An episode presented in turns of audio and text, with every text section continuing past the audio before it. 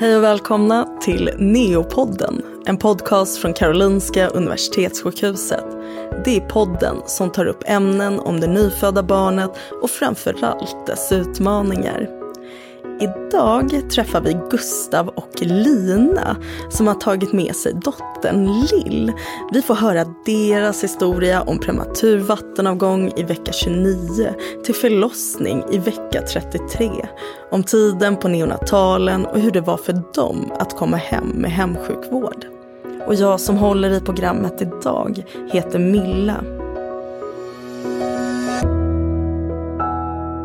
Hej Gustav och Lina! Och Hej. välkomna till Hej. Neopodden. Hej! Tack så mycket.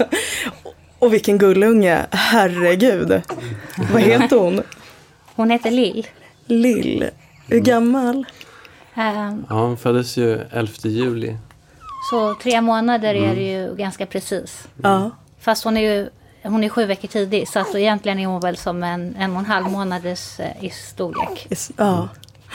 Hur länge håller man på och räknar eh, liksom, korrigerad tid och sådär? Är det... Jag vet inte riktigt. De, sa, de säger på BVC att det är lite olika för olika saker. Vissa grejer så får man dra av.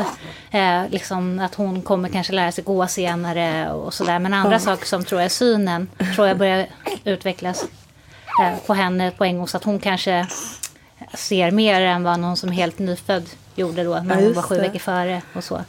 Det är Ja, men- svårt att veta. Ja, men jag förstår. Man får Ja. lite välja själv ibland där, ja, jag. ja, precis. Och vi får väl se här då. Hon, hon liksom, ja, hon gör sådär som barn gör. Hon ligger här och fiser och gnyr och har sig. Vi får väl se hur länge hon klarar av att podda. Jag har, Ja. jag har rumpan mot micken nu så nästa gång får vi liksom... Perfekt.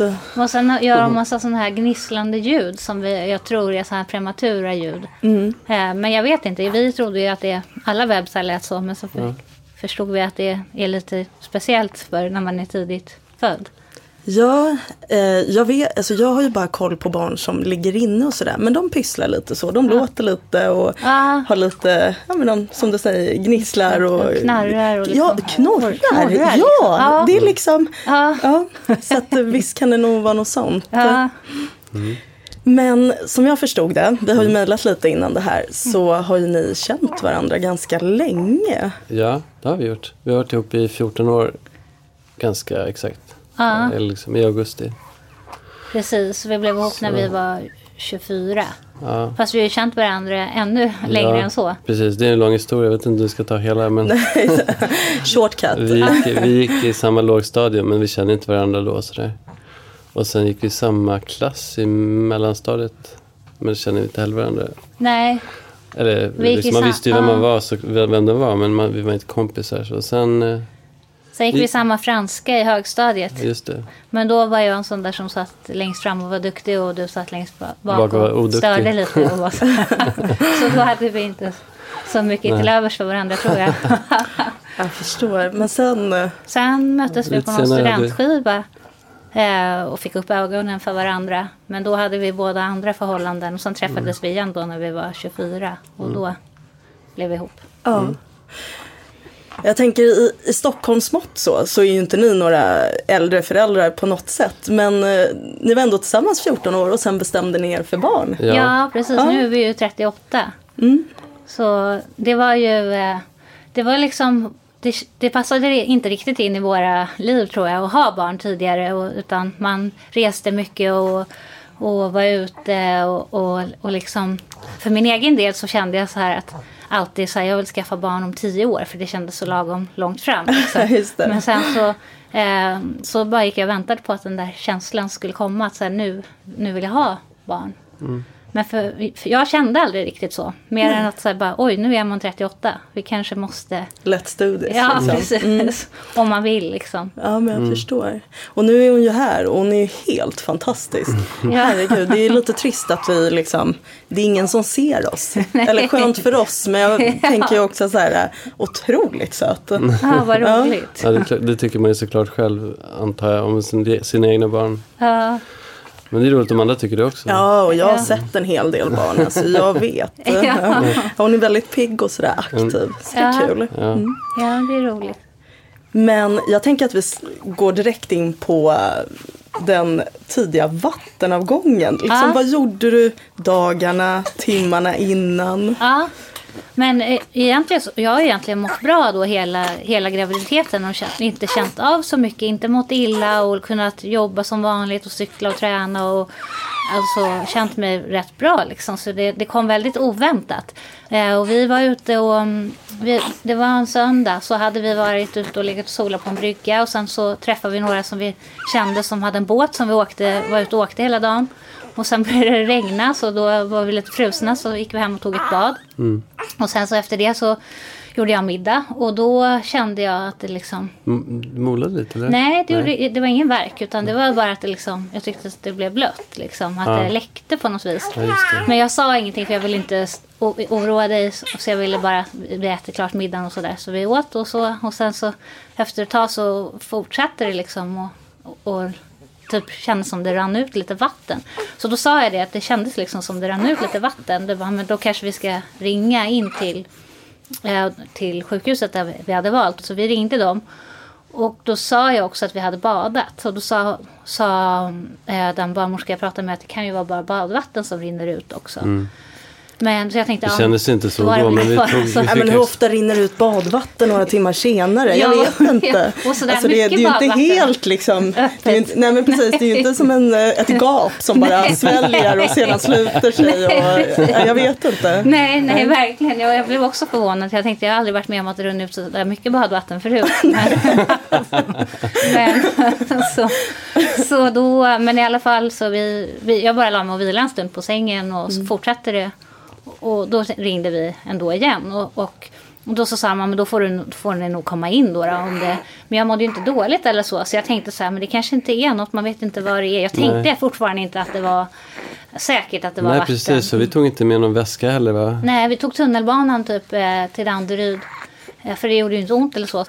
Men jag tänkte, du Gustav, Ja. för det känns ju ändå lite sådär eh, att du Lina, du, eh, det är liksom lite full fart på dig och eh, det, du oroar dig inte så mycket. Det är bara såhär, ja ja, och jag Ja. mår bra och sådär. Ja. Men du Gustav, du tyckte ju ändå att hon liksom, eller att det skulle ha varvat ner lite där i början av graviditeten. Ja, precis. Ja, alltså egentligen, det, det är ju så att, ja precis, du, du är väldigt aktiv och sådär och stressar runt. Och så mycket på jobbet Har mycket också. på jobbet och jobbar som arkitekt så du, du har eh, deadlines att att komma, alltså, och uppfylla. Så jag kände liksom att eh, det här kommer ju antagligen påverka liksom, det kan påverka att man har så här stress. Så då vill jag, då sa jag till vår barnmorska att eh, det vore kanske bra om, om jag eventuellt kunde vara sjukskriven ett tag innan hon kommer. Och då skulle du få träffa en läkare va? Ja, först så sa de väl att man blir inte sjukskriven bara sådär. Nej. Liksom, utan det måste ju vara någon speciell anledning. Mm. Men, eh, men du tyckte ju, och liksom, jag sov ju dåligt och Ja, allt. och precis. att det var mycket stress. Så det stod väl på dig lite. Och då skulle vi få ha ett läkarbesök faktiskt i veckan efter. Men det hann vi ju inte eftersom Nej. vattnet gick. Ehm, Så det vet vi ju inte om det Ja, var just precis. därför. Men, eh. Ja. Ja, nej men. Ja. Men, men då åkte ni in och så skulle de undersöka dig för att se om det Ja, var vatten. Precis så. Ja. Och det var det då Ja, eller? då åkte ja. vi tunnelbanan in och då bara därför så slutade det komma. Så kände jag så här, gud vad onödigt. Nu har vi åkt in fast det inte är någonting. Så det kändes inte som det kom något. Och, och de satte på den här CTG och allt verkade bra. Och sen tog det en stund för de hade väl inte så många läkare sent på en söndagkväll innan en läkare kom och skulle undersöka. Och då, när hon skulle göra det sen, då skulle jag hoppa upp på den här gynekologbritsen.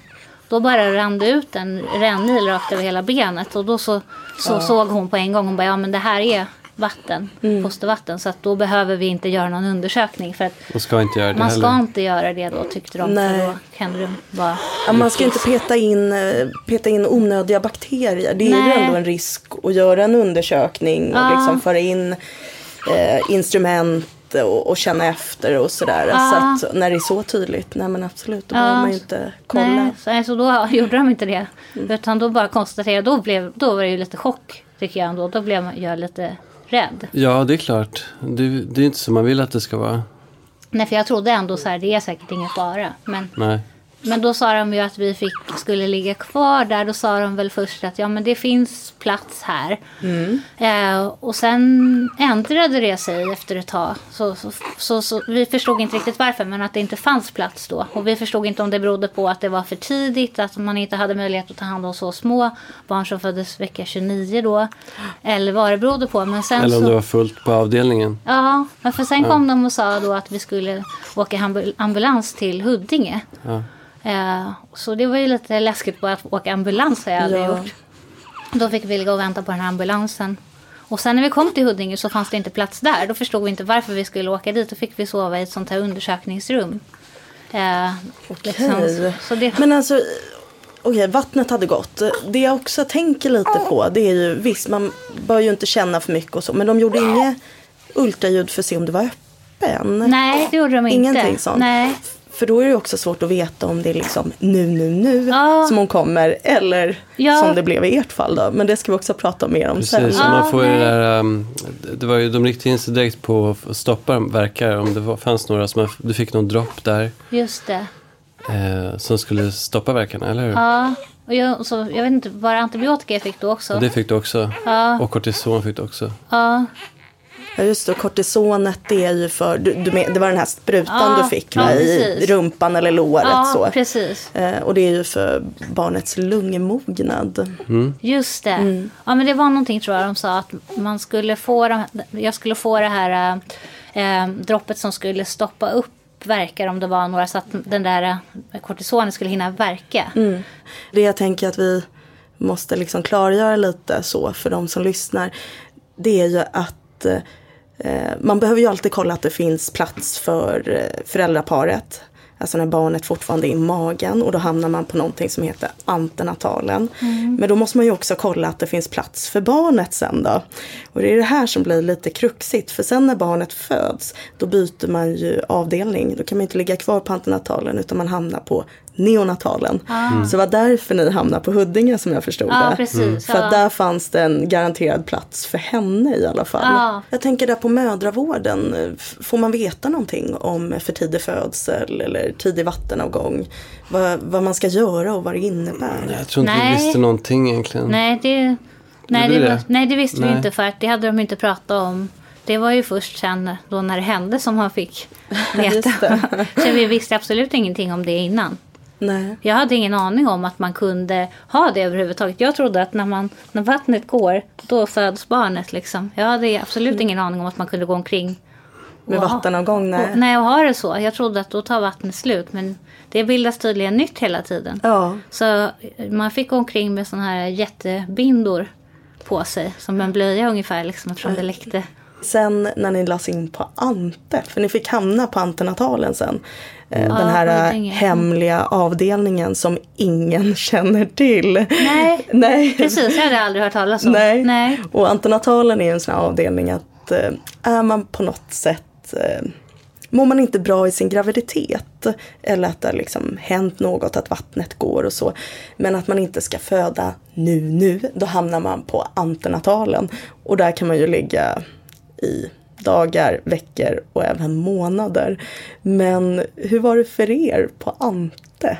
Då hade de lovat först att vi skulle få ett dubbelrum där vi skulle få sova. Eh, men sen så sa de, kom de in och sa att du inte skulle få stanna kvar. Just det. Att eh, jag, eftersom det låg en annan kvinna i det rummet så fick inte du också sova där.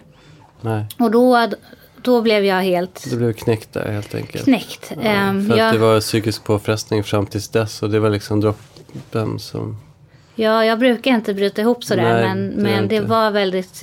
Jag är lite rädd för sjukhus och tycker Ja. verkligen inte om Och att behöva... du dig för graviditet också. Ja, precis. Men För så, det finns ju så mycket som kan hända. som Ja. man blir orolig över som kan gå fel. Så då, var- du bröt ihop det lite grann och då förstod de kanske att, eh, att du behövde ett eget rum, att jag behövde stanna kvar. Så då fick vi ett eget rum. Var det...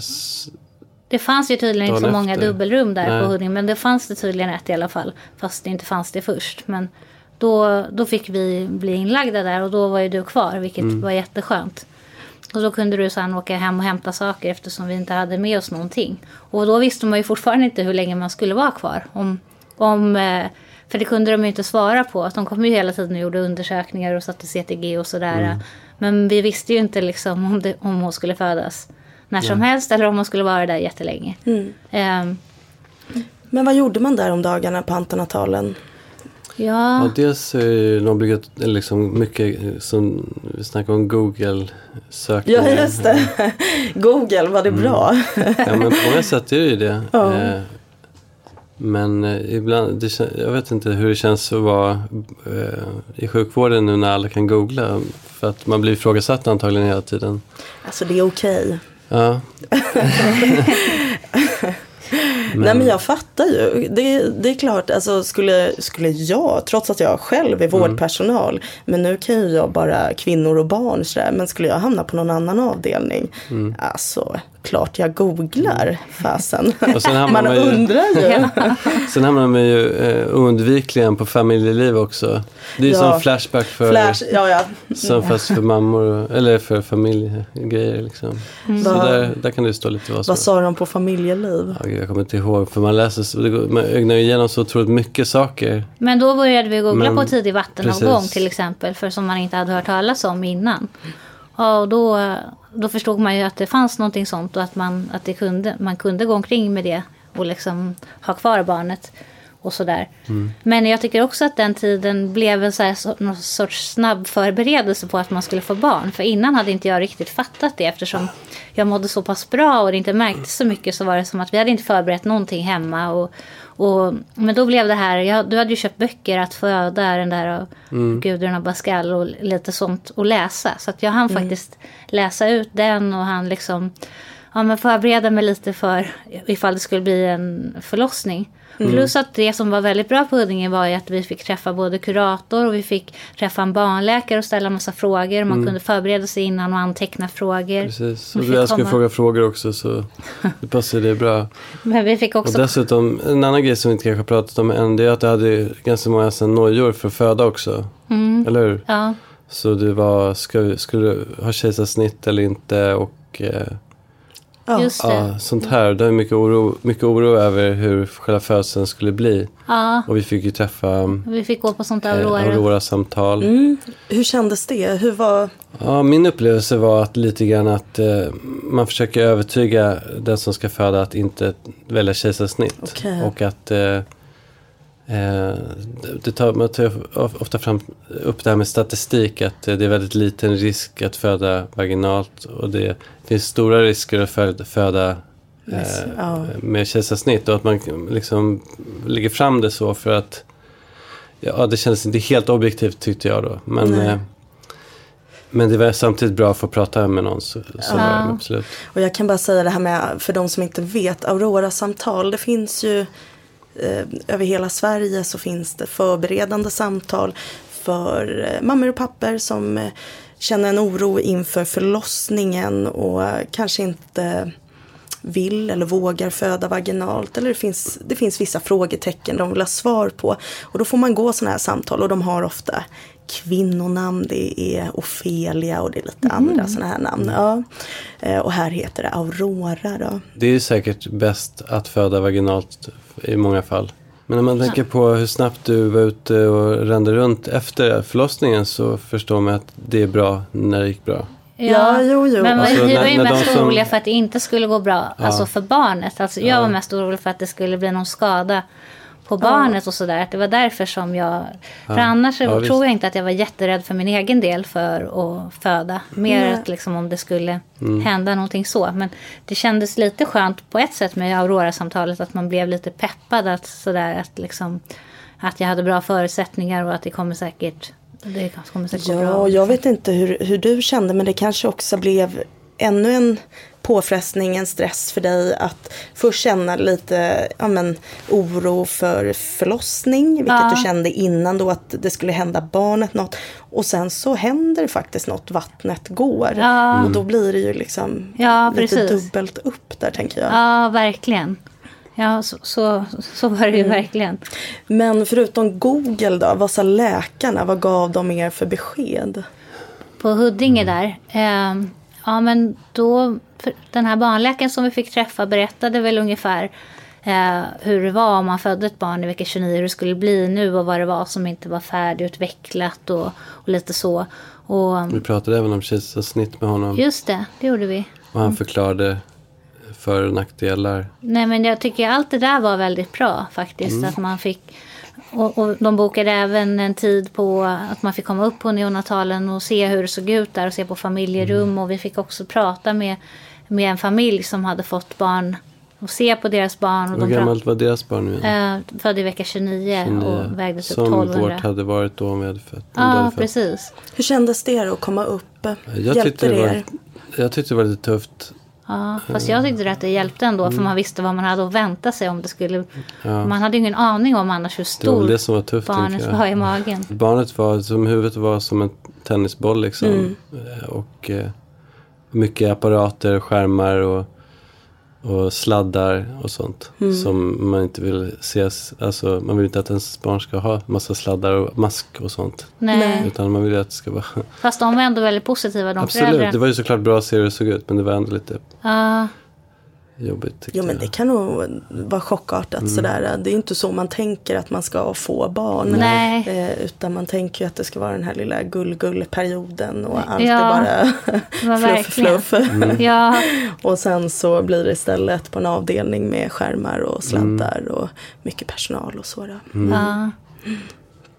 Men eh, vad var det som hände sen? Jag tänker, vattnet gick i vecka 29. Men fick du ligga kvar på antenatalen eller vad gjorde ni? ja nej men då, det, det var ju liksom dag för dag så sa de väl så här, lite olika, men de sa att för ungefär hälften av alla som får för tidig vattenavgång så kommer barnet inom en vecka. Och eh, för andra hälften så kan det vara kvar liksom i flera veckor, men, men att man sätter igång förlossningen i vecka 37 om inte det har kommit spontant innan. Så, ehm, så, så vi väntade liksom varje dag. Vi visste inte riktigt. Men, men sen så sa de i alla fall, för det här var precis innan midsommar. Vilket också var jättehemskt för att vi älskar att vara på landet i skärgården på midsommar. Så då förstod vi att Särskilt du alltså. Du har inte varit, du skulle, det går inte att bända loss dig med en kofot alltså, utan, från landet där. Men nu kunde du inte välja liksom. Nej, men så, då trodde vi att vi skulle få spendera midsommarafton på Huddinge sjukhus. Men då sa de i alla fall att eh, sen dagen, dagen före midsommarafton faktiskt, på kvällen fick vi åka hem. Eh, och var, man är sjukskriven men är hemma och tar det lugnt istället. Så, Så du hoppade alla i fall- båten och drog eller? Bara, nu drar jag. Alltså, du skojar men det var ju typ så du ville göra liksom. Men de Du sa väl, funderade på hur ska vi ta oss in från skärgården om det händer något. Vad är liksom ja, det höll jag på att kolla upp jättemycket. Ja, typ om det gick någon buss till Danderyds buss? sjukhus direkt från tänkte båten. jag liksom så här, det här, kom, det här kanske det låter inget bra tänker jag liksom. Mitt i natten, då, kan, då går ingen båt där. Hur ska jag då? Okej, det finns ambulanshelikopter men ändå. Jag undrar om de kommer för sånt. eh, Och liksom, Ja, klart man har ju själv försatt göra, sig i den här situationen. Ja, fast men- så kan inte de säga. Nej, det här skyll er själva nu. Låt, hoppas det går bra, hej. Precis. Ja, nej men så vi fick i alla fall komma hem. Det var jätteskönt. Och du lag, gjorde en liten midsommarmiddag till oss bara. Ja, precis. Lite. Eh, men sen så var vi hemma. Ehm, och jag skulle ta det lugnt. Men det var ganska tråkigt och svårt tycker jag. För som inte... Men du fick din sjukskrivning hoppas jag. Ja, ja, ja absolut. Så nu blev var jag sjukskriven i alla fall. Precis, men Ja. du, du var lika aktiv ändå eller? Ja, inte riktigt. Jag försökte ju verkligen att ta det lugnt. Men det blev ju en del promenader och då blev det ju riktigt fint och varmt. Som det blev. i-. Det var en liten svacka runt midsommar men sen var det ju kanonväder egentligen hela sommaren. Så då, då gick jag väl ut och la mig på en filt i parken och ja, försökte läsa lite också så här förbereda mig inför förlossningen. Kolla upp allt sånt där man behöver som man inte vet om Försäkringskassan. Och... Rann det på fortfarande? Ja, det rann hela tiden. Då fick man ha jättebindor på sig liksom. För att det, det rann ut. Men de var aldrig oroliga på sjukhuset sådär att du var ute och promenerade, att det skulle trilla ner någon liten fot eller en navelsträng. Ja, Kan det hända så alltså? Ja. Nej, nu ska inte, nu har ju ni fått barn redan men kan kan det väl. Men då, jag fick ju också komma till sjukhuset på kontroller. Tre gånger i veckan skulle jag komma dit och ta blodprov. Eh, så att man skulle kolla för infektionsrisken. Och eh, också kolla CTG. Så då man, var där liksom i en timme ungefär nästan varannan dag. Så att de hade ju en väldigt koll på en och det var ju jättebra. Men det Ja. känns ju som att man alla på hela BB Stockholm hade jag träffat kändes det som. Så att jag var ju där i tre och en halv vecka. Ja, Ja, precis. ja, men jag förstår. Men det var skönt att inte behöva ligga inne och kunna vara hemma. Men kände du Gustav Mm. att, att du var liksom trygg i det, att ni kunde vara hemma? Eller fanns det en oro? Eh, ja, både och kanske. Så det var ju bra som vi, eftersom man kom på de här kontrollerna hela tiden så kändes det ju bra att man fick extra mycket uppmärksamhet. Eh, och samtidigt så är man orolig. Men vad var det som hände? Varför? Alltså nu, ni, hon kunde ju vara kvar i magen i nästan en månad. Det är en Ja. lång tid. Ja. Vad var det som gjorde att eh, själva förlossningsarbetet kickade igång? Ja, jag vet inte om det berodde på att jag inte tog det tillräckligt lugnt. Men vi, då hade ju du blivit ledig. Jag tror att du kanske var ledig sista veckan ungefär. För att vi skulle ha lite, försöka ha lite semester fast in i stan eftersom vi inte kunde åka någonstans. Så vi eh, tog bussen till Slussen och så skulle vi ta Djurgårdsfärjan till eh, Djurgården för att ha lite, vara ute lite och sådär. Och då bara kände jag att det började göra lite ont. Fast jag trodde bara att förverkare och sånt har man ju hört talas om att man kan ha utan att det betyder någonting. Så eh, det var bara, det gjorde lite ont men vi, vi åkte ut där på, till Rosendal och men det fortsatte att göra lite ont och då ringde vi in. För de hade sagt det när jag var på kontrollen att om det är något som är annorlunda så måste jag ringa. Och då så sa de bara att eh, ta ett par Alvedon och lägg dig och vila ett par timmar och se om det avtar. Eller alltså, annars måste du ringa tillbaks. Så vi la oss på en eh, filt där i Äppelträdgården på Rosenthal. Nej, men vad mysigt. Du, du kunde inte tänka dig att föda där? Det låter helt fantastiskt. Ring mig nästa gång. ja, det var faktiskt jättemysigt. Det var jättefint, Vi åt lunch och liksom, så det var ju ändå tur som tur var hade jag Alvedon med mig så det gick ju bra att vila där lika väl som hemma. Ehm, men sen hade vi också bestämt med en kompis att vi skulle gå upp och ta en alkoholfri drink på en takterrass i stan ehm, senare. Och jag ville inte riktigt ställa in det, det kändes så tråkigt. Så ehm, efter en, de där två timmarna så kändes det ungefär likadant men jag tänkte att det är nog ingen fara så då åkte vi och träffade henne.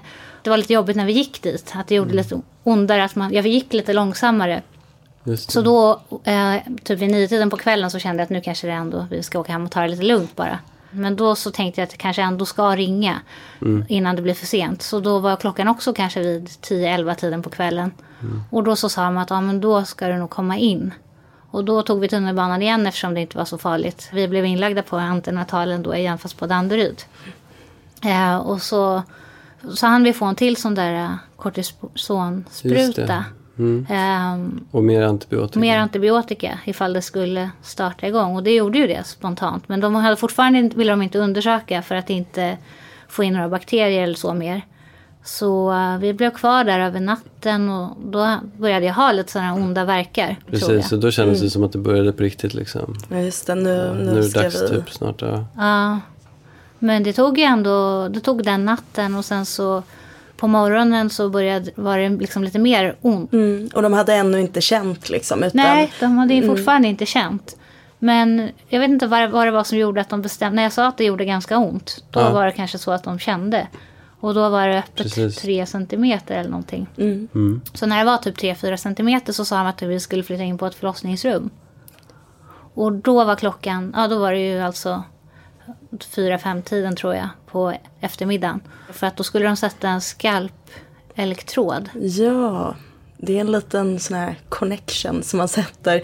Ja, man sätter den på barnets huvud och så eh, man skruvar fast den lite sådär i, i huden. Och sen så kan man ta bort en av de här doserna på magen, CTG-doserna. Då får man liksom en direkt kontakt med barnet och kan se barnets hjärtljud. Liksom man får en, ja, en Bättre bättre, kontakt. Tack Gustav. Ja. Men det låter ju läskigt att man skruvar in något i Ja. huvudet. på Ja, men, äh, men, men jag vet. Den, den, ja, nej men jag förstår. Alltså det är en jätteliten, eh, Liten, liten skruv. liten, liten skruv. Man typ sätter den i tofsen liksom, bara i håret. Ja, Nästan. Ja, vi säger så. ja, men då i alla fall då så, så sa de då att man kunde få prova lustgas istället. Och jag hade ju bara hört egentligen, jag hade hört min, både min mamma och min syster sa att lustgas det, då blir, känner man sig bara som man är jättefull men det gör lika ont ändå. Men eh, så, så, så. men Vilket du tycker låter helt okej, men, ja, men det är bara vad jag tycker. Ja men det är precis, är man lite full och trillar då bara ah, okej. Trillar man bara då bara fan det gör ont. Så jag, det känns ju ändå som att det är, ja, men som du säger Gustav, lite okej. Hur var Men- det där med lustgasen då? Ja, men då fick jag ju prova den och jag hade läst lite i de här böckerna om hur man skulle göra. Att det var viktigt att man, att man började andas in när man bara kände en tillstymmelse till verk börja komma. Liksom. Så att man hinner få in mycket och full effekt när verken är på sin topp. Och det tycker jag verkligen fungerade. För att dels så hjälpte den där masken en att andas djupa andetag och andas liksom. Och sen så då kom det verkligen som ett skönt liksom rus precis när det gjorde som ondast. Och det hjälpte verkligen. Tycker jag faktiskt. Så det funkade Ja, du ser. bra. så vi fortsatte med det. Eh, ja, och då, jag, hade ju, jag var öppen för epidural om det skulle göra ont. Och väldigt mycket mer ont. Men så då frågade jag om det, skulle, om det skulle göra väldigt mycket mer ont och om det skulle ta väldigt lång tid. Men då så sa barnmorskan att hon trodde inte det skulle ta så lång tid nu. Och att det inte skulle bli så mycket värre. Så då tänkte jag att då kör jag på med den här bara lustgasen. Mm. Men vi fick träffa, vi fick träffa någon från neonatalavdelningen också Just innan det. det. här satte igång va? På, Ja, de- Alltså på allvar. De kallade upp henne Ja. in i förlossningsrummet medan vi hade, jag hade verkat. Neoläkaren, eh, visst var det det? Ja. Okej, så ni träffade så- neoläkare på Ante och under förlossningen? Mm, Ja, i Det var i förlossningen. förlossningssalen ja. De För kom in med padda och visade olika steg då. Jag kommer inte riktigt Hon ihåg visade dem. ett bildspel av... De svepte lite förbi liksom olika stadier då liksom. Så här ser det ut, så här ser en kuvös ut, så här ser CPAP ut, så här ser... vad man hade att vänta sig Ja. liksom. Så det var ju verkligen lite i sista stund och så fick hon göra pauser hela tiden när verken kom för då kunde jag ju inte titta och de var ganska långa. Så då satt hon där med paddan och väntade och sen så fick hon försöka skynda sig och gå igenom bildspelet tills nästa verk. Hänger man då ens med någonting? Sådär liksom bara bort med lustgasen. Okej, okej, okej. Jag ser, jag ser, jag ser. Ah, nej, nu kommer en verk igen. Liksom. Men du Gustav, du kanske kunde kolla på det där bildspelet? Ja, men jag kommer inte ihåg, nu kommer jag inte ihåg så mycket från det. Men typ de här grejerna fick man ju se då. Jag tror Så att det var hade- bra men det är sant att man inte kommer ihåg så mycket vad man såg faktiskt. Nej. Att de här verkarna var, de var för- lite för långa. Eh, och pulsen för barnet går ner när verken är, så att säga. Och, och då gick pulsen för, för Lill då ner lite för länge. Eh, då tyckte de att eh, efter ett tag att nu måste vi få ut eh, henne så att det inte ja, händer någonting. Ja, visst, Mm, Det var läkaren som sa så att då precis. måste vi få ut henne. så då, Då fick jag väl någon verkstimulerande dropp. Då, precis, du fick det och sen så eh, var det en, en, vad heter det, föds, en ställning som man har, man sitter på huk fast man ligger ner liksom. Man så- sitter i sängen men man har dragit upp båda sina ben. Mot och, så höll, bröstet. och så höll ni i på Ja, varsin jag, sida. jag höll i på ena sidan och den andra, och en, en, bar- barnmorskan höll i på andra. Och sen så fick du order om att, uh, att köra hårt liksom. Ja, för jag kände egentligen ingen skillnad. Jag trodde att man skulle märka när krystvärkarna kom. Eh, men det var bara att de bestämde att nu ska du ta i allt för För innan så var det med att man försökte uthärda verken, inte pressa på. Men sen så var det då att de sa att nu ska du ta i allt vad du kan. Okej, så du hade inte fått några krystvärkar? Nej, jag tror inte det. För jag Nej. kände ingen skillnad. Men det var liksom att Det var att bara tog i och... att jag skulle krysta då. Men kan det ha varit just som du sa Gustav att eh, CTG, att hennes hjärtljud började bli påverkade och de kände att vi kan inte hålla på allt för länge nu utan vi måste hjälpa till utifrån. Ja. De hänger ett verkstimulerande dropp och att man också ber dig Lina då krysta aktivt för att liksom pressa ner henne. Ja, Kan det ha varit så? Så, så var det Ja. nog. Jag tror att det var precis så det var. Och då, tog det, då gick det ganska fort. Då kollade jag sen i journalen efteråt att det tog typ 16 minuter bara. Och, eh, men jag kände det som att jag tog i allt vad jag kunde men ingenting hände. Det kändes som att absolut ingenting hände och det gjorde jätteont. Eh, så, Men då hade jag gjort det flera gånger och var helt slut. Kanske tre eller fyra gånger. Så sa jag det att om det fortsätter så här och ingenting händer så kommer jag inte orka. Då vill jag göra kejsarsnitt. Men då så sa ju ni att det visst hände. Och att det var som att huvudet redan var på väg ut. Ja, det började liksom. kika ut liksom. Så då var det ju typ bara en, en eller två verkar kvar. Så, Så kom hon. så kom hon ut. Men Gustav, kikade du? Såg du att det hände grejer? Ja, men jag såg ju det. Du ville inte att jag skulle titta så mycket men Ja, jag hade jag skrivit hade det i skrivit det i det här brevet. då, Men, eh, men ja, det gick inte att undvika om, eftersom att det gick att se. Så såg jag ju. Men eh, precis, jag såg att det tittade ut lite grann och mer och mer. Så, för, För varje du verk. stod ju upp och jag satt ju ner så jag såg Ja. inte själv vad som Nej. hände liksom. Ja, men så jag kunde ju se det och då berättade jag det att ja, bra kämpat liksom, fortsätt. Mm. Ja, Och det gick bra. ja, och då var ju alla där. Då var det jättemånga, Mm. jättemånga i rummet. Så då kom det ju upp folk från, från neonatalavdelningen, läkare och, och så. Och då la de Mm. Och ju... en kuvös. Hon kuvös, ja. Men de la upp henne på mitt bröst i alla fall. Ja. Vilken vecka var det här? För vattnet gick ju vecka 29. Just det, precis. Det här var 33 plus 1. 33 plus 1. Ja. Så en månad med vattenavgång Ja. innan hon liksom bestämde sig för att komma ut. Ja, Men då fick hon komma upp på bröstet. Ja. Så hon mådde ganska bra. ja hon hade Mm. ju bra på den här Apgar-skalan. Nio, nior var det. Mm. Och så la de ju upp henne där. Fast först så kände jag bara när de skulle lägga dit henne så var jag så här, nej, ta bort henne. Jag vill bara att de ska kolla att hon lever liksom. För hon såg blå och läskig ut liksom. Mm. Eh, men, eh, men det hade de ju såklart redan kollat. Så då la de henne där och så fick hon ligga där i 45 minuter. Och då gjorde de allt de behövde göra. Och kollade tror jag på Mm. plats när hon låg där, eller hur? Vad kollade om då? Ja, men de höll på med allt möjligt. Sen så gav de en, så satte de en liten sån här uh, syrgas. Precis, som fick CPAP-masken då. Efter en stund. Och varför fick hon eh, andningsunderstöd? Ja, det är, ju, det är väl det där med lungorna då, att de ska expandera. Eh, jag- Att de ska klara av det själva. Men det var lite stånk och stön och sånt där Ja. först. Och, Ja, och sen var också syrgas, jag tror det var 100% syrgas först och sen en liten stund och sen sänkte de det. Det är inte bra att ha för länge för mig, att ha Ja. 100% syrgas. Men hon, hade, hon hade ju bra värde på Apgar på andningen. Men hon behövde ändå hjälp att blåsa upp och hålla upp lungorna. liksom, Precis, att och det hon- var ju så på vägen, alltså det var nära att de gjorde någon variant. De att gör någonting, man sprutar in något i lungorna eller vad det är. Ja, surfaktant. Mm. Eh, Det känner jag igen. Det Ja. behövde de inte göra då. För Nej. på vägen ner till neonatalavdelningen så eh, kommer den igång då liksom själv. Mm. Och, eh, och så var det något, det är något med naveln också? Man injicerar någonting i naveln? Eller? Ja, alltså surfaktant det ger man, eh, då behöver man liksom intubera barnet, sätta en, en tub eh, liksom genom näsan ner i barnet för att spruta in det här medlet som gör, som påskyndar lungmognaden kan man säga, enkelt förklarat. Och sen så drar man ur den där tuben och så ska det vara bra liksom så. Eh, och med naveln, ibland tror man att hon kommer behöva mycket vätska eller läkemedel av något slag. Eh, då passar man på att sätta som en liten kateter i naveln. För de kärlen är fortfarande öppna. Ah. De har inte slutit sig ännu när man är så nyfödd. Nej. Eh, och då kan man pumpa in ganska stora eh, volymer den vägen. Okej. Så. så det gör vi ibland på barn som behöver lite extra stöttning. Ja. Mm. Men det slapp hon. Hon, Hon slapp släppte. både och. Liksom. Han slapp mm. dock. ja, men så då åkte du iväg efter de där 45 minuterna. Ja, du hade ju kvar moderkakan. Eller du var ju tvungen att eh, krysta ut den också. Just det. Och eh, Då var ni kvar där precis, också. då var vi kvar. Och då så sa du, sa ju du liksom när det var klart så, så frågade du om det var allt. Var det allt? Ja. Det lät som att, Var det allt?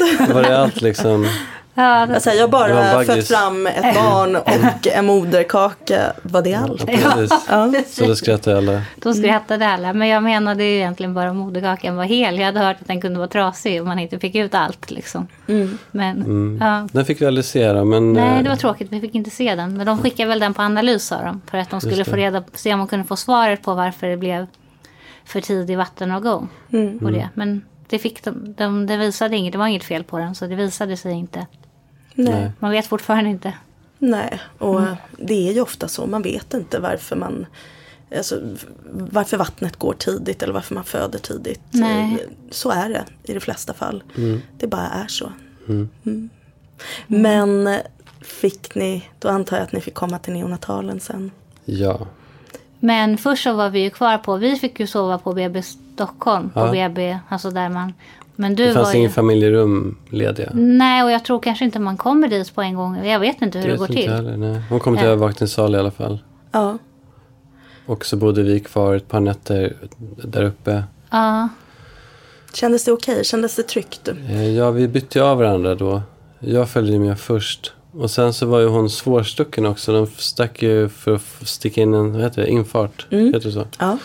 En infart och eh, de, henne, dels då när de här små så är huden, det är som att ha för stor kostym liksom. Så huden är eller sladdrig, eller sladdrig är inte men när man sticker in så, man kommer inte in där man trodde man skulle komma in tydligen. Så då sticker de liksom här och där och kom inte riktigt, eh, och blodkärlen hoppade undan och det var lite knepigt. Så hon blev stucken flera gånger och det känns inte så kul. Hon blev Eh, ledsen fick då, de, va? Ja, då fick de till slut in den och sen så när vi kom ner till neonatalavdelningen så skulle det sedermera göras en lungröntgen. Och då lyckades, eller då hade de otur och, och, och liksom drog ur den infarten som de hade fått i. Okej. Och då så skulle de stickas igen eh, och då så stack de totalt fyra gånger. Men den tredje gången var det lite så här, ja, om vi inte får in den nästa gång då måste vi... Vad var de, Det var då de skulle sätta den där naveln, Ja, va? det var då de skulle sätta den naveln. Ja. Mm. Så det hoppas man ju. Nej, det vill vi inte hoppas att hon slipper. Och så dessutom så då kändes det inte som att jag ville gå iväg. Du var ju där uppe då. Ja, då hade jag fått, det var ju sent på kvällen och jag var ju ganska slut för jag hade var inte sovit slut. någonting natten Nej. innan förlossningen heller. Så då, jag fick ju komma ner efter att jag var färdig där uppe. Fick, Och hälsa på. fick jag komma ner och hälsa på. Men sen gick jag upp och la mig. Ja, men jag kände mig tvungen att stanna för att, av de här skälen. Då, så det gjorde jag och det gick i alla fall bra. De fick in den på fjärde försöket. Mm. Eh, ja. Och sen så var jag kvar där. Var hon stabil under den tiden när hon fick ligga på en övervakningssal? Mm. Eh, Jag tror det. tyckte personalen att ah, det, här, det här känns bra, det här kommer gå bra för henne? Ja, det tror inte jag att de sa så här. Men du fick ju det ha sättet. henne hud mot hud och sådär. Det kanske du inte skulle hon, fått hon låg i kuvösen först och eh, men efter en, ett tag, var det första natten? Ja, det var det. Ja, Mm. jag fick, men det är viktigt att man har barnet hud mot hud. Eh, och det är ju rätt mysigt också. Så då, det kunde jag ha, kunde ha henne där. Och jag skickade någon bild upp till dig liksom att ja, det, ser, det verkar gå bra. Så Och fick hon sen- sitta så flera timmar. Ja, visst. Mm. Var det mysigt att få de här bilderna? Ja, ja det var det ju verkligen. Man kände ju lite... Det kändes ju lite hemskt om hon skulle varit själv där nere. Men nu, eftersom jag var så slut så orkade inte jag vara där. Men det var ju, om inte Gustav hade kunnat vara där så hade ju jag varit det. Men jag tyckte det var jätteskönt att jag visste att han satt där och hade henne hud mot hud. Så då kunde jag vila och sen komma ner tidigt på morgonen och ta över. Hur länge hade hon CPAPen, den här andningsmasken? Två, två dygn tror jag. Eh, för att först så var hon ju kuvös och hade alla sladdar och apparater. Och sen, blev hon, sen kom hon ur kuvösen eh, först, efter första natten. Eller första dygnet. Ja, Och fick en värmesäng istället. Som en vattensäng. eh, Men hon hade kvar sig pappen ett dygn efter det. och Men det dropp hade skönt- hon också först. Som hon Just det, tog det var en av. dropp också. Ja, Ja men det var skönt att, eh, vad var det för dropp nu? jag igen? vet inte, jag kommer inte ihåg vad det var i det. Det var, var det... Säkert lite socker. Ja, det var det det, var det. Ja, Precis, just det. Eh, nej, men det känns skönt att det var saker som försvann hela tiden. Eh, att man gör framsteg och att inte... Ja, Ja, det var jätteskönt när de tog bort sig pappen för det var också svårt att hålla i henne när hon både hade infart och, och de här sladdarna till foten där man och kollade. sensorer på bröstet, på magen, Ja, just det. fot, sa du foten? Ja.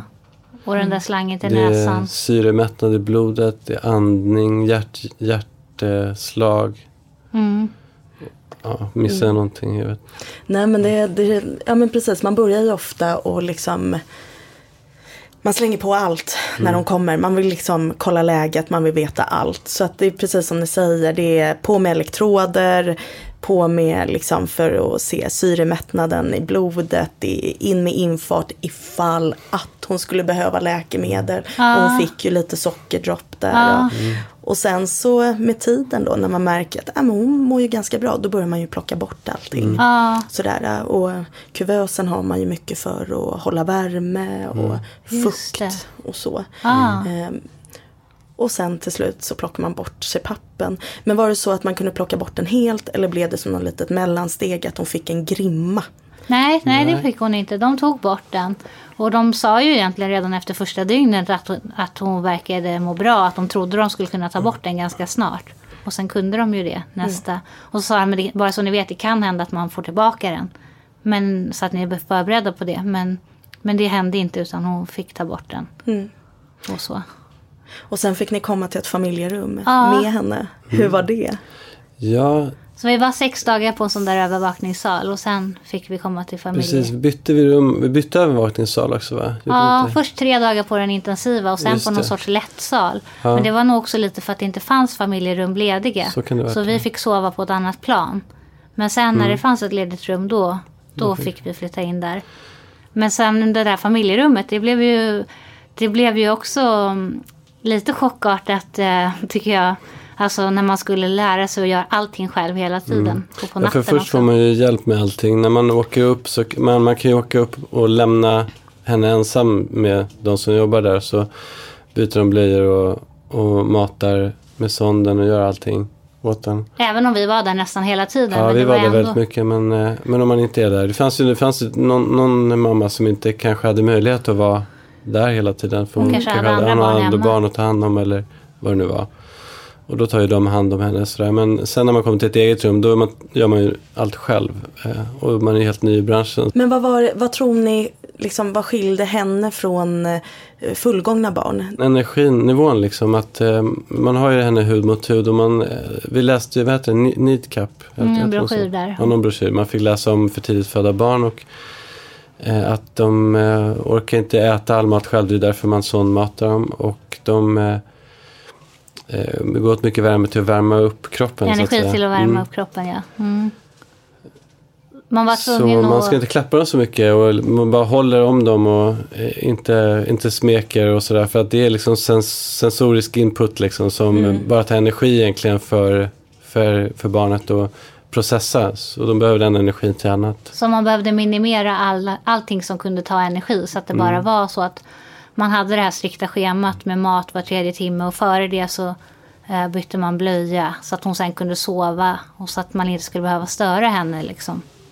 Så att hon kunde få all energi för att växa och, och sådär. Mm. Visst var det så? Ja. Så det var noga i början med att liksom följa det här schemat. Man kunde Ja. inte riktigt vänta in henne så. Nej, nej, verkligen. Så, det var ju den här strikta tiden hela tiden. Ja.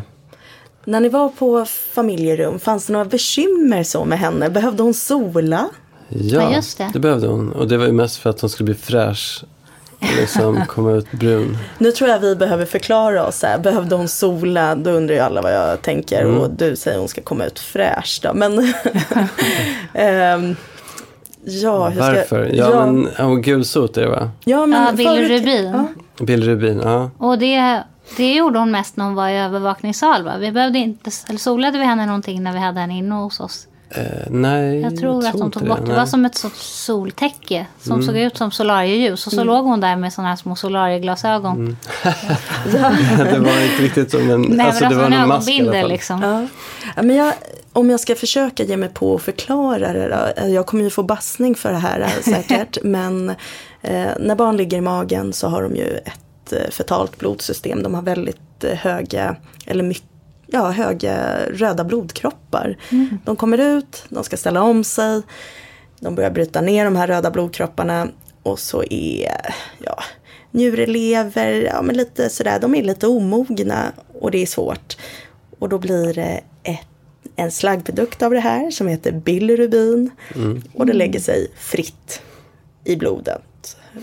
Sådär, de blir Ja. gula liksom. Ja.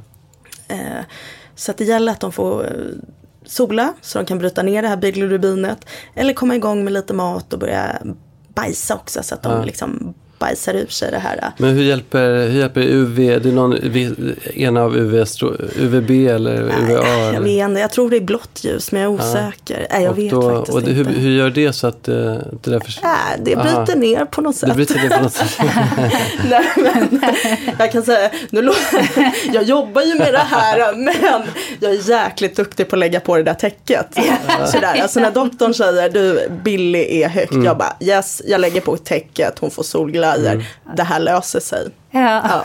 Jag funderade inte så mycket heller på vad De det var. förklarade det men- för oss lite som att det var ett stort blåmärke.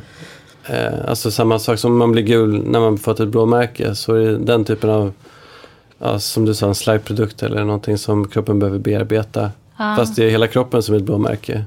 Mm. Var det så? Någonting sånt. Ja, jag tyckte det. Men sen var det också sjukt varmt och så satt man hud med, mot hud med henne och så hade Ja. man det där täcket på som också var jättevarmt. Ja, det var svettigt. Det var alltså. verkligen svettigt. Men för- tydligen så var det bra för henne.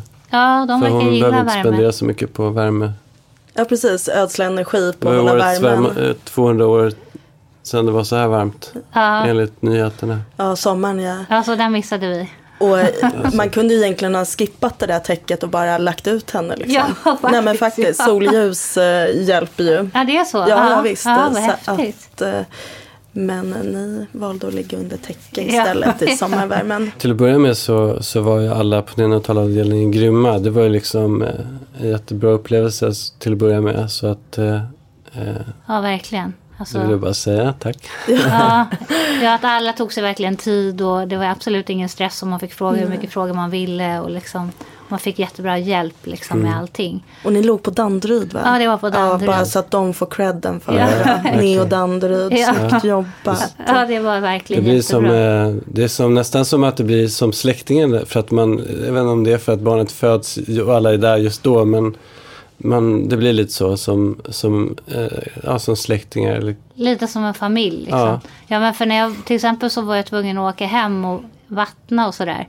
Och så var det det här galna varma sommaren. Och så, då var det ju jättejobbigt att lämna sjukhuset och, och liksom åka iväg i tunnelbanan när det var 40 grader. Och, och man jättestressigt. Så sen när man kom tillbaka så kändes det så här, gud vad skönt att vara hemma. Alltså att sjukhuset var hemma på något konstigt sätt. Mm. Så då var det jättehärligt. Men, Men då fick ni ju komma hem med eh, hemsjukvård. ja, ja, Och det var framförallt på grund av sondmatningen. var sondmatningen, okej. Att de skulle behöva kunna komma och se till att, den, Och att det funkade ja, bra. i vikten. vikt. Och, och så måste man ju byta plats på den ibland. Som den byta näsborre liksom. Ja, just det, för att inte ja, minimera risken för skav och sår. Ja, det är därför. Mm. Ja, men precis. Och de kom ju hem i början tre gånger i veckan. mm. Det var de var jättebra. också jättebra. Tack igen. Ja, verkligen.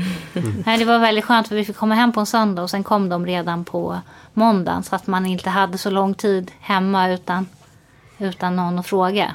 Vad var det svåraste med att komma hem? Eh, Ja, alltså det sista vi gjorde innan vi åkte hem, typ, det var att eh, man skulle gå igenom sin hjärt och lungräddning. Mm, och då fick man prova på en docka. Eh, man skulle bara ta, ja, man får inte blåsa med hela sin, man ska inte fylla sina lungor så här som man gör på en vuxen om man skulle göra det. Och, utan man ska bara använda luften som finns i munnen. Eh, ja, typ sånt. Och då, då blir man ju direkt, man överför ju det på sitt eget barn på något sätt. Den tanken att liksom, ja, ska jag behöva göra det här på mitt eget barn, det låter inget kul. Så vi var, man blir liksom avskräckt lite grann. Mm. Man, ska- man har vissa punkter som man ska klara av då liksom, innan man åker hem. Och det här var en av dem. Och det tyckte vi var lite jobbigt. Vi Ja. stannade väl ändå extra för att vi kände att det inte riktigt... Precis, vi hade fått åka hem tidigare men vi valde att stanna en dag extra då. Men sen så hade vi ju apnélarm får man ju ha med sig tror jag när man har sondmatar. För det är lite högre risk för, för att det kan bli andningsuppehåll då. Ja. Vi hade ju ett apnélarm på sjukhuset som var Mm, det, var, det, var, det var sladdar som man, det var elektroder som satt fast. På magen. eller, ja, precis. Men det här som, och det, det gav falsklarm så man vaknade upp liksom. Mitt i natten flera ja, gånger. och så här, "Ah, shit liksom vad är det som händer? Och så lubbar man dit och kollar liksom. Och så är det bra. eh, För att det, det var ett falsklarm. Men man har det där adrenalinpåslaget fortfarande så det är inte så jättelätt att somna sen. Nej det är klart, jag tänker falsklarm. Det, Mm. det känns ju ganska, vad jobbigt. Ja, det är jobbigt. Ja, det och det kom några, kanske kom tre sådana om natten och det är, liksom, ja, det är svårt att sova. Men var det så att den hade lossnat och typ satt i blöjan eller Mm. i sängen, sensorn? Eh, vad- Ja, jag, jag vet, tror att det kan vara också att de ibland andas väldigt ytligt och då Mm. blir det inte så eh, djupa, rör, alltså det rör sig inte så mycket på magen utan det kanske är liksom bara väldigt lätt andning och då, är, då funkar den inte, den var inte tillräckligt känslig. Fick ni aldrig byta ut den? Ja, vi fick en annan sen när vi kom eh, hem. Och som var, Som var på ett helt bättre. annat sätt, som var platta. Det var två stora plattor som man la under madrassen som var väldigt känsliga. Och eh, den gav aldrig någon falsklarm. Det enda med den var att ibland när man lyfte upp den och glömde stänga av den så larmade den. Men det var ju inte så då farligt. kändes det ju då bra. Då visste märker man ju att hon, att hon inte är där. Då vet man att det funkar. Ja. Så det var ju bra. Ja, det känns ju skönt att ha det larmet. Det, gjorde det. Det var ju väldigt jobbigt när man, när man skulle lämna tillbaka det sen. Ja, det var ett...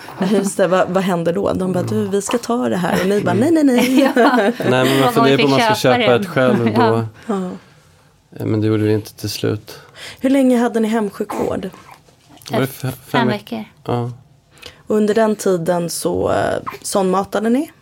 Under hela Ja. tiden? Ja, under fyra veckor. Ja, just det, Sånt under fyra matade vi. veckor. Och sen tror jag den sista veckan var för liksom, uppföljning. För de skulle se om hon växte som hon skulle med bara amningen. För under hela tiden hemma så övade man ju på amningen. Och så drog man bort lite mer och mer på sonden hela tiden. Så att det, Precis. Men sen började ni ju ge lite berikningar. Mm. Och hon fick också järn. just det. Hur mådde magen? Ja, det var inte bra. Nej, då blev magen Den jättedålig. var bra innan då. Sen blev den... Berikningarna var inga problem berikningen egentligen. Det var järnet som förstörde magen. Mm. För då blev det liksom att hon bara bajsade en gång i veckan ungefär. Och liksom, Ja, först tog det väl en, tog Ännu ännu längre. Ja. Ja, första Hon gången. hade ont i magen. och Sömnen blev förstörd. Eh, Ja, Ja. det var tråkigt. Ja, så, så började hon liksom prutta jättemycket och, och, liksom, och sen så luktade det också jätteilla bajset när, när det blev, var Ja. järn. Innan hade det inte luktat någonting. Nej. Så det var så lyxigt att man, det var inget jobbigt att byta blöja överhuvudtaget. Och nu ni bara, ah, tur att det bara är en gång i veckan. Ja, det är Liksom. är man bara- svimmar nästan. Alltså. Ja, det är sant Ja. faktiskt. Jo men det är ju klart, och liksom står det sig eh, väldigt länge så luktar det ju mer än om man liksom bajsar varje dag. Så. Ja, nej, men bortsett från det så mår hon väl bra. Men det är jobbigt med magen. Ja, men vad gjorde ni då? När hon låg där och det knep och hon hade ont och hon liksom grät och så. Vad, vad tog ni till för tricks? Jag funderar på adoptionsbyrå då kanske. Sluta. Men du hade ju något bra trick som du har precis lärt dig. Ja, vad var det Det där med hissen. Ja, hissen. Så det var någon som berättade, som hade haft ett kolikbarn, att man kunde köra något som kallas för hissen. Eh, och eh, ja, det är bara att man tar barnet och, och för upp och ner. Alltså man håller i barnet och lyfter upp och, och ner så här. Fast inte, inte så snabbt då liksom. Men, Nej. man, men typ som att gunga barnet fast man gör upp och ner bara. Okej, ingen shaking baby här. Nej, Nej, nej, absolut inte. Och du, nu visar ju du med händerna. Barnet ska ligga ner alltså, eller spelar det någon roll? Eller kan det vara liksom upprätt om man Eh, kör lite det har upp jag och ner? testat, men liggandes var det så. Som ni körde? Ja, precis. Vad var det som hände då liksom? Nej, blir lugn liksom och det är som att det bara slutar. Okej. Så som du sa det är absolut inte shaken Nej jag baby. skojar Men, eh, och det var ingen som trodde. Och Nej. när du liksom visade här då Ja. så såg vi ju att det såg väldigt Ja, eh, varsamt ut. Så lite som att, liksom, om man är på gymmet och kör med hantlarna liksom. Mm. Beroende på hur, hur liksom, Med jättetunga är vikter. såklart. Men, men om man kör normal takt liksom, så kanske det är liksom så. Men sen så ger vi ju järnet också mitt i amningen. Att hon först får amma lite och sen får hon järnet och sen amma lite till. För att Mm. det verkar som det gör ondare när det kommer på tom mage liksom. Ja. Och sen så har vi också kört med de här um, Semper magdroppar. Eller vad det, är. det, Ja. det är bakteriekultur. Ni pipade aldrig henne sådär att man förde in någon lite i, i rumpan liksom. Hjälpa henne att släppa Nej. gaser. Nej, vi har inte Nej, testat det. Du, Kan man göra... man- är det bra? Du har väl en sån pysven, pysventil? Men, Vi tänkte att hon hade så liten rumpa så vi vågade inte. Alltså, det kändes som att... Ja, alltså det, det, det man för in är också litet. Då, liksom. men absolut. Nej, men det är, Hon kanske kan det nu när hon är lite... ja, men jag ska inte ge några tips utan att, eller sådär, utan att Ja. liksom känna Ja, Lill då, veta hur hon funkar och hennes mage funkar. Men Men det känns ju som att det är pruttar och rapar som gör att hon har ont också mycket. Alltså det kanske också är det. Men ja, det är ju ofta svårt för de här små barnen att eh, släppa gaser. ja, Så. De behöver ta i mer. ja, hon- verkligen. Hela plåten blir röd alltså. ja. Men och järnet, det var väl, vi, vi frågade väl då varför måste de få järn?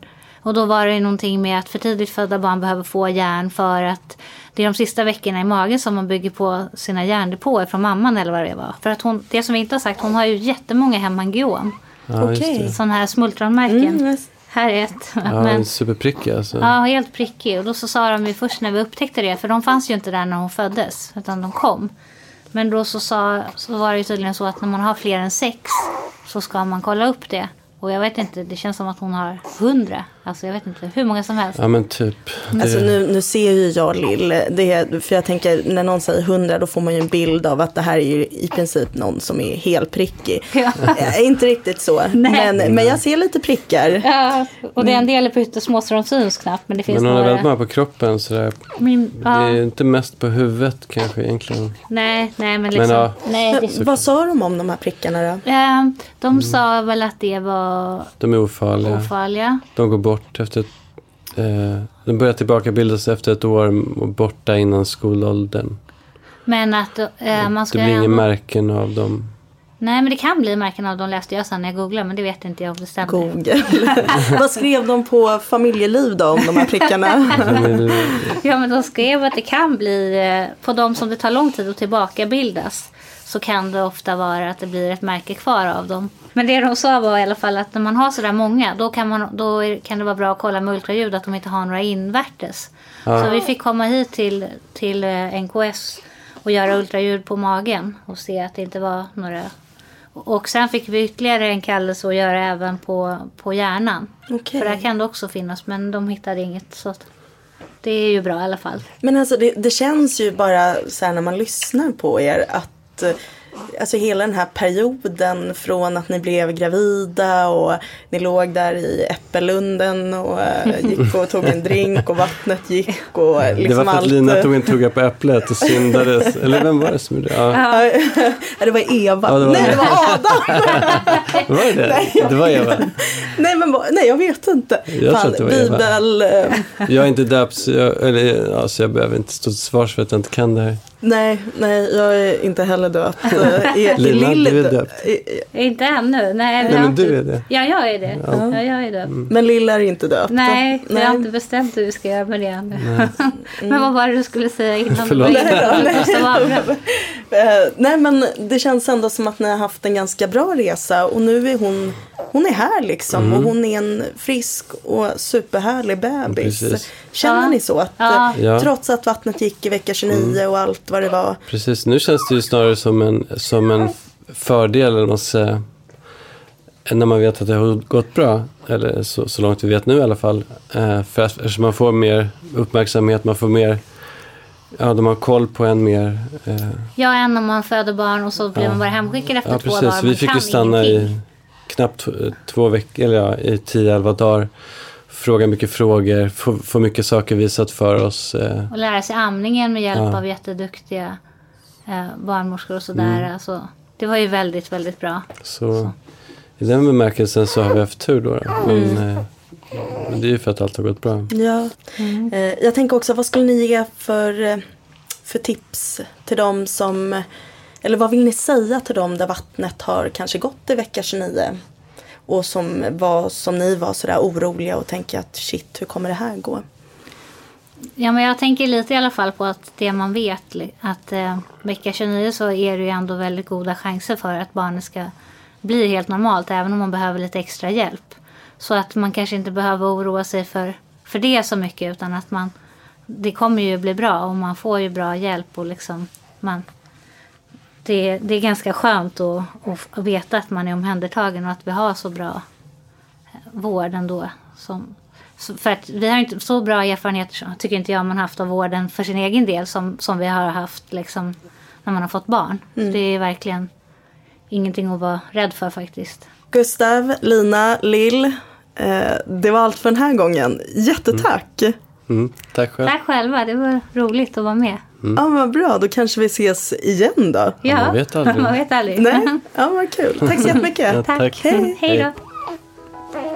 Och tack till er som lyssnat. Fortsätt lyssna på oss och sprid ordet om Neopodden. Gå gärna in på vår Instagram, Neo Karolinska och berätta vad ni tycker om avsnittet.